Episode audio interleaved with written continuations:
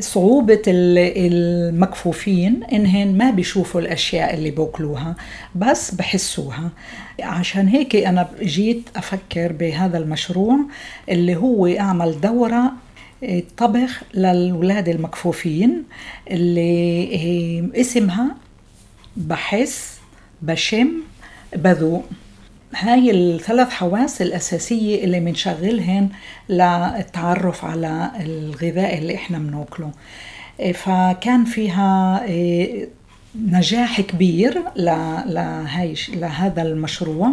هذا ما شرحته ناهد صلاح وهي سيدة فلسطينية إسرائيلية الجنسية في الثانية والستين من العمر تعمل كمدربة لذوي الاحتياجات الخاصة في هذا الحوار مع زملاء من منظمة الأغذية والزراعة الفاو بمناسبة يوم الرؤية العالمي الذي تحييه الوكالة الأممية ثاني يوم خميس من شهر تشرين الأول أكتوبر من كل عام.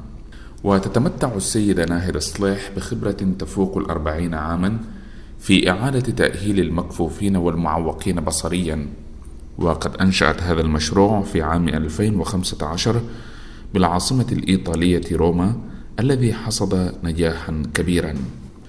فمن خلال تحضير أطباق بسيطة ترمي حلقة العمل هذه إلى منح الأطفال المكفوفين والمعوقين بصريا طريقة استثنائية في التعامل مع الأنماط الغذائية المستدامة والأكل الصحي.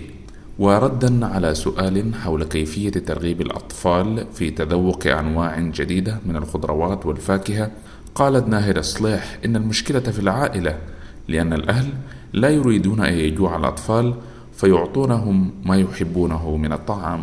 المشكلة في العائلة إنه وأنا بفهم العائلة لما بتقول الولد بدوش ياكل فأنا إيش يعني أخليه يموت من الجوع ولا أعطيه إيش هو بحب؟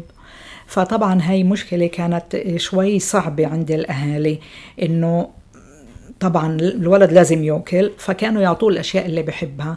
فمن هذا المنطلق أنا بديت أفكر إنه بالإضافة لهي الأشياء اللي الأهل بعطوه إياها إنه نضيف له كمان أشياء ثانية اللي هي الخضروات يأكلها مع اللحمة مع الدجاج مع السمك.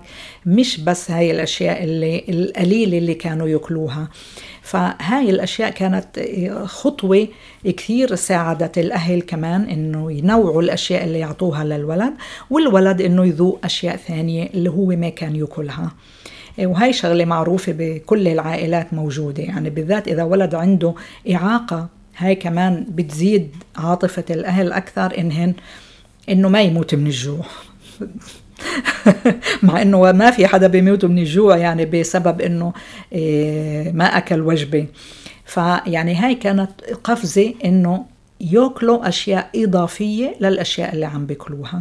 وهاي كانت خطوة ناجحة جدا مع الأطفال ومع الأهل طبعا. من أهم النشاطات التي تقوم بها السيدة ناهدة صليح مع تلاميذها هي صناعة البسكويت. وتشرح أن هذه العملية تتطلب تحضير المواد بشكل منظم.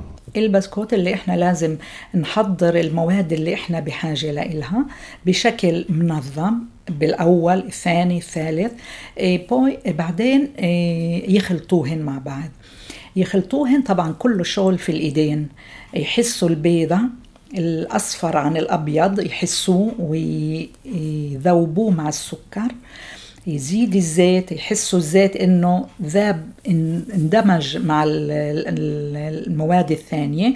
وبعدين مع الطحين يحسوا إنه كيف بنصل إحنا لمرحلة إنه نعمل البسكوت. إيه لما يعمل تخلص العجينة انهم يبرموه دائري وإنه يربصوا بين إيديهن بشكل إنه مراقب ما يكون كثير رقيق وما يكون كثير خميل. وطبعا اللذة بالآخر لما يبدوا يشموا الريحة أو يبدوا ياكلوا إيه، يذوقوا البسكوت اللي عملوه. ويشدد مشروع ناهد الصلاح على الجانب الشمولي والاجتماعي لسلاسل الأغذية المستدامة.